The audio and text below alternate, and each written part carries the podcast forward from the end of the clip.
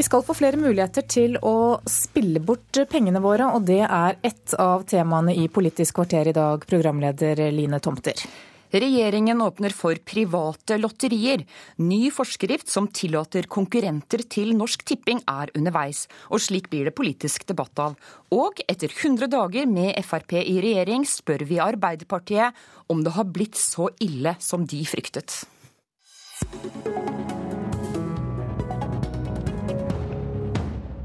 Arbeiderpartiet tegnet et dystert bilde av hvor ille det vil gå her i landet med Frp i regjering. Nå har det gått 100 dager, og partisekretær i Arbeiderpartiet, Raimond Johansen, ser du nå konturene av det du fryktet og advarte mot?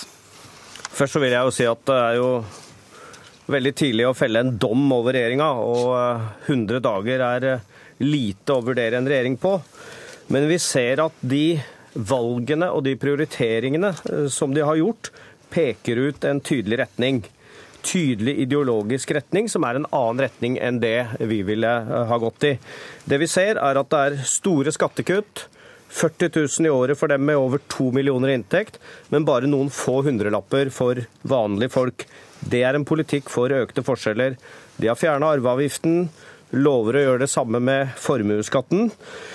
Og jeg frykter kanskje mest at det skal bli vanlig å mene at store forskjeller mellom folk er bra. Fordi jeg mener at det å ha som politisk målsetting at å ha et samfunn med så små forskjeller som mulig, det er viktig, og det er svært krevende. Fordi det er så sterke krefter i samfunnet som jobber for økte forskjeller innenfor aksjemarkedet, boligmarkedet, kapitalkreftene. Og bare det å sørge for at forskjellene ikke øker, krever en stor politisk innsats. Og det mener jeg også er bra for stabiliteten og produktiviteten i samfunnet. Og jeg frykter også at land hvor forskjellene blir store, er mer konfliktfylte. Det er det første. Og det andre jeg har lyst til å si, er at det denne regjeringa vil se konturene etter 100 dager, er en svært umoderne familiepolitikk. Dyrere barnehager, 7000 færre plasser, avlyst to opptak i året. De øker og utvider kontantstøtten, kutter pappaperm, svekker kvinners rett til selvbestemt abort at det er, det, dette er negativt for kvinners deltakelse i arbeidslivet, og det er negativt for produktiviteten og for norsk økonomi, og det er større forskjeller i barns læring. Men dette må vi la Ketil Solvik-Olsen, samferdselsminister og nestleder i Frp, få svar på. Ja, Dette hørtes jo helt grusomt ut, og jeg kjenner meg ikke igjen i den politikken vi skal føre heller. For det første når det gjelder familiepolitikken. Alt det som eh, Raymond Johansen her kritiserer eh, den nye regjeringen for, er jo nøyaktig den politikken som hans egen regjering førte i sju og et halvt år. Så det som nå han syns plutselig er umoderne, det var altså det som var grunnlaget for det de styrte etter. Og det, Den kritikken faller jo på sin egen urimelighet. Så er det feil at vi innskjerper kvinnens rett til selvbestemt abort. Den er akkurat den samme. Så det er òg en myte som de nå prøver å, å spre rundt seg. Når det gjelder skattepolitikken, så er det jo veldig eh, hyggelig for meg som nestleder i Frp å få høre at vi faktisk leverer på det. fordi at Arbeiderpartiet har jo prøvd å spre den motsatte situasjonen, at vi ikke leverer på noen ting. Men det som er litt rart, det er jo at når vi gir skattelettelse på inntekt til folk, det skal altså lønne seg mer å jobbe. Når vi gir skattelettelser som gjør at du kan overdra familiebedriften din uten å betale en avgift til staten samtidig, det gjør at du kan ha de små butikkene, de små bedriftene. Eh, det er faktisk bra for næringslivet. Men jeg ser jo her hvorfor skattepolitikken har vært som den har vært, fordi at du altså har hatt som mål at alle skal ha det samme. Du har minst mulig forskjeller, sier du. Men det betyr jo òg at bedriftseiere og andre som våger å risikere hus og hjem, pantsetter det for å starte opp sin bedrift. Når de lykkes, så skal de straffes under den rød-grønne regjeringen. Under dagens regjering så vil vi at næringslivsfolk, de som investerer, vil skape verdier de skal også få beholde mer av det. For det, da kan de reinvestere det i bedriften sin. Og Der er det en vesentlig nå... forskjell i måten vi tenker på. Men det viktigste her er jo hvordan du løfter opp de som sitter nederst med bordet. Og Der så vi jo at barnefattigdommen økte under forrige regjering. Derfor har vi spesielt fokus nettopp på å hjelpe de svakeste i samfunnet, samtidig som vi skal styrke næringslivet. For det handler om å skape verdier og skape arbeidsplasser. Ja, Men du ser jo for det første, nå, det, nå må vi prøve å, å skille øh, skitt og kanel her. For det første så er jo de store skattekuttene han har tatt, så er det jo 40, 40 000 i året for dem med inntekter over 2 millioner kroner, men bare noen få hundrelapper til folk med vanlige inntekter. At dette skaper mindre forskjeller, sier seg selv. Det er eh, en urimelig påstand. Vi eh, ønsker et samfunn med minst mulig forskjeller. Og bladet The Economist, som vel ikke er Arbeiderpartiets organ, legger jo nettopp vekt på hvor viktig det er for produktiviteten i et samfunn. Et samfunn med mindre konflikter er et samfunn hvor det faktisk er mindre forskjeller. Derfor er en politikk som gir skattekutt til de som har mest fra før av, et samfunn som på sikt vil føre til større forskjeller. Og når, når, når Ketil, Nå er det jeg som snakker. Og når Ketil Solvik-Olsen hevder at de bare viderefører vår barnehagepolitikk, når det nå er dyrere barnehagepolitikk, det er 7000 færre plasser. Vi hadde et forslag om å ha to opptak i år året. Ja, Dette forslaget er, er avlyst. tungt her, la han få svare nå. Ja, fordi Vi har altså ikke lagt ned en eneste barnehageplass. Men det vi gjør, det er å gi familier valgfrihet. Og da er det faktisk noen familier som sier at vet du hva, jeg har ikke lyst til å velge sånn som Raymond Johansen og Jens Stoltenberg påla oss. Vi har lyst til å velge å oppdra våre barn et halvt år, ett år lenger sjøl. Det betyr altså ikke at de blir hjemme til de er seks år, men de blir hjemme til de er to år. Den muligheten vil vi gi folk. Og så skal vi sørge for at det er gode barnehagetilbud til alle de som ønsker det tidligere, men òg som ønsker det fra toårsalderen. Og Det er altså ikke annerledes enn sånn som dere selv styrte, men dere gjorde endringer akkurat når dere gikk av. Og så reverserer vi dem og sier at vi ønsker å ha valgfriheten på plass, og da er det plutselig umoderne. Den debatten blir kunstig. Nå skal, men, vi, litt, nå, nå skal vi litt videre, karer. For i nyhetene i morges så hørte vi at FrPs andre nestleder Per Sandberg uttale at regjeringens samarbeidspartnere Venstre og KrF bør jekke seg ned. Jeg syns eh, rett og slett at Kristelig Folkeparti og Venstre har eh, tatt til seg altfor mye makt. Men nå tror jeg også at Kristelig Folkeparti og Venstre eh, bør måles ut ifra sin størrelse, og ikke hvor mye tran de inntar. De bør jekke seg ned litt? Ja. Ketil Solvik-Olsen, hvor enig er du med din partikollega Per Sandberg? Jeg registrerer at Venstre nå i det siste har vært ute og sagt at de skal bli tøffere i forhandlingstonen. Jeg syns det er viktig at vi viderefører den gode dialogen og samarbeidet vi hadde og skapte på Nydalen. Jeg, Venstre og KrF har fått sine gjennomslag, men jeg er kjempefornøyd med det Frp har fått til. Vi har altså fått på plass et investeringsselskap for veibygging. Vi har fått på plass infrastrukturfond. Vi får til strengere asylpolitikk. Flere skal sendes ut. Hvis du lyver på søknaden, så skal du få avslag. Vi får en kraftig satsing i helsevesenet. Vi framskynder bygging av pleie- og, og omsorgsboliger. Er, og vi får gode skattekutt som stimulerer folk til å jobbe og næringslivet til å investere. Ja. Alt dette i sum er jo det vi har kjempa for i 40 år, som har prøvd å få andre regjeringer til å gjennomføre uten lykke. Nå får vi det til. Det at Venstre og KrF får òg betalt for å gi oss støtte, det er naturlig. Men jeg tror ikke at Venstre skal begynne å, å bli mye tøffere og tro at de skal få mye mer gjennomslag. Da må de inn i regjering eventuelt. Raymond Johansen, vi hører første antydning til kjekling mellom Frp og samarbeidspartnerne Venstre og KrF. Hvor vanskelig tror du at dette samarbeidet blir i lengden? Altså, jeg har jo hele tida hevdet at både KrF og Venstre eh, har mer til felles med den politikken eh, vi står for, og eh, hadde håpet et samarbeid der. og Det overlater jeg for så vidt til Venstre og KrF å finne ut hvor de får mest igjen.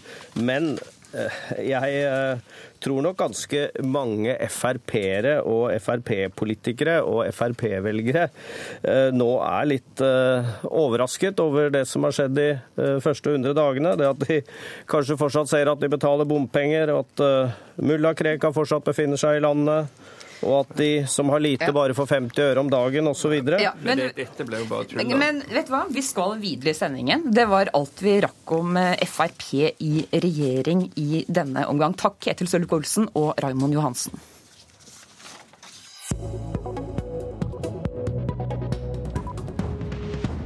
Private lotterier er ett skritt nærmere godkjenning. Kulturdepartementet bekrefter at de har startet arbeidet med å endre lotteriforskriften. Målet er å åpne for flere private lotterier.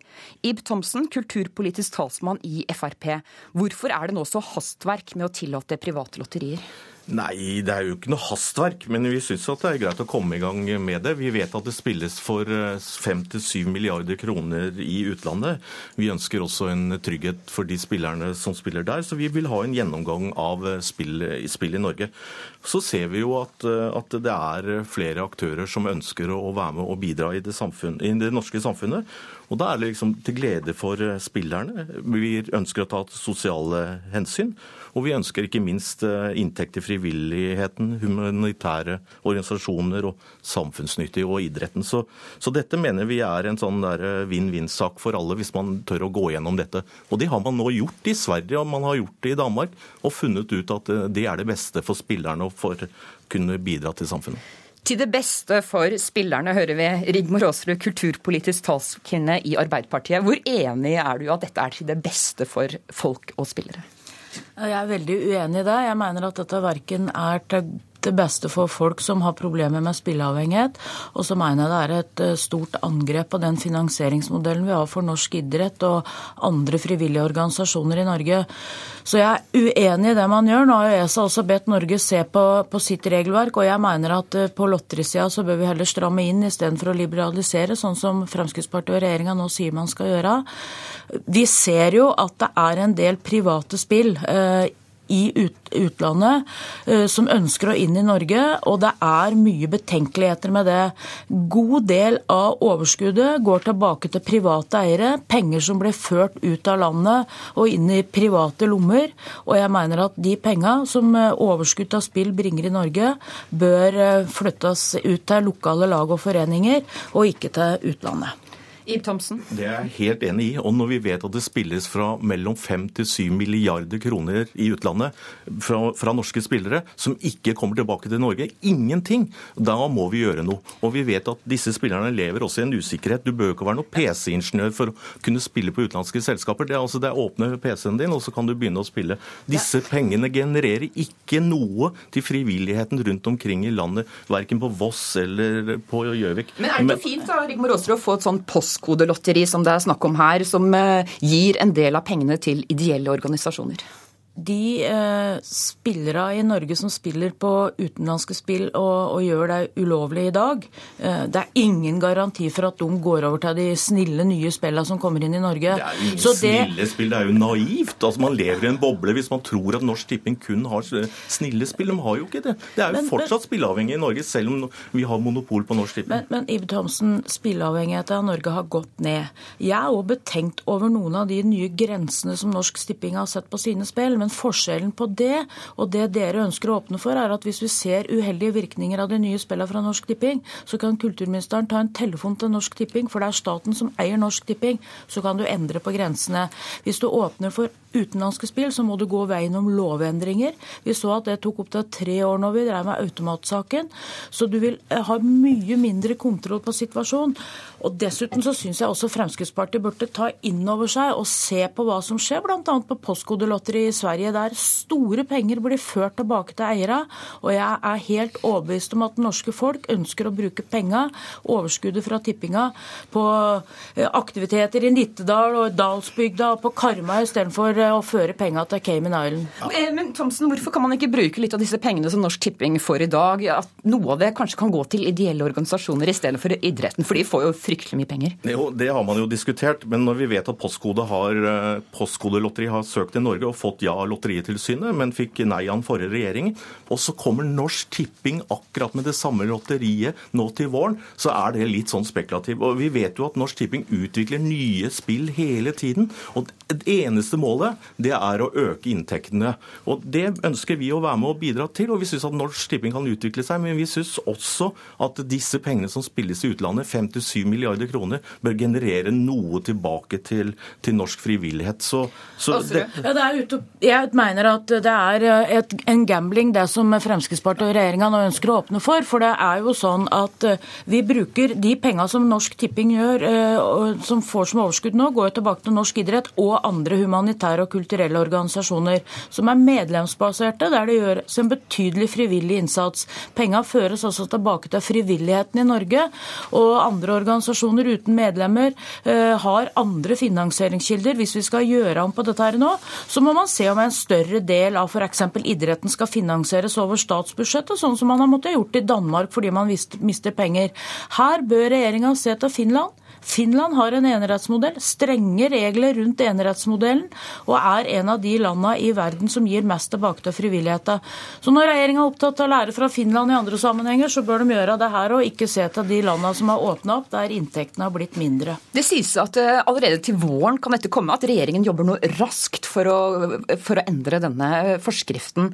Eh, Men det er jo en effektiv regjering. Ja, det er en effektiv. Men det, det dere skal være sikre på, det er motivet for denne sittende regjering. Det er at man har en ordning, man har et regelverk for de utenlandske selskaper som opererer i Norge. Så det er jo, Jeg kan ikke skjønne at man ikke vil ha kontroll også på de som allikevel opererer her. Og så genererer man da pengene tilbake til frivilligheten, idretten. Ja, Vi rekker faktisk ikke mer i dag. Politisk kvarter er over. Takk Rigmor Aasrud og Ib Thomsen. I studio satt Line Tomter.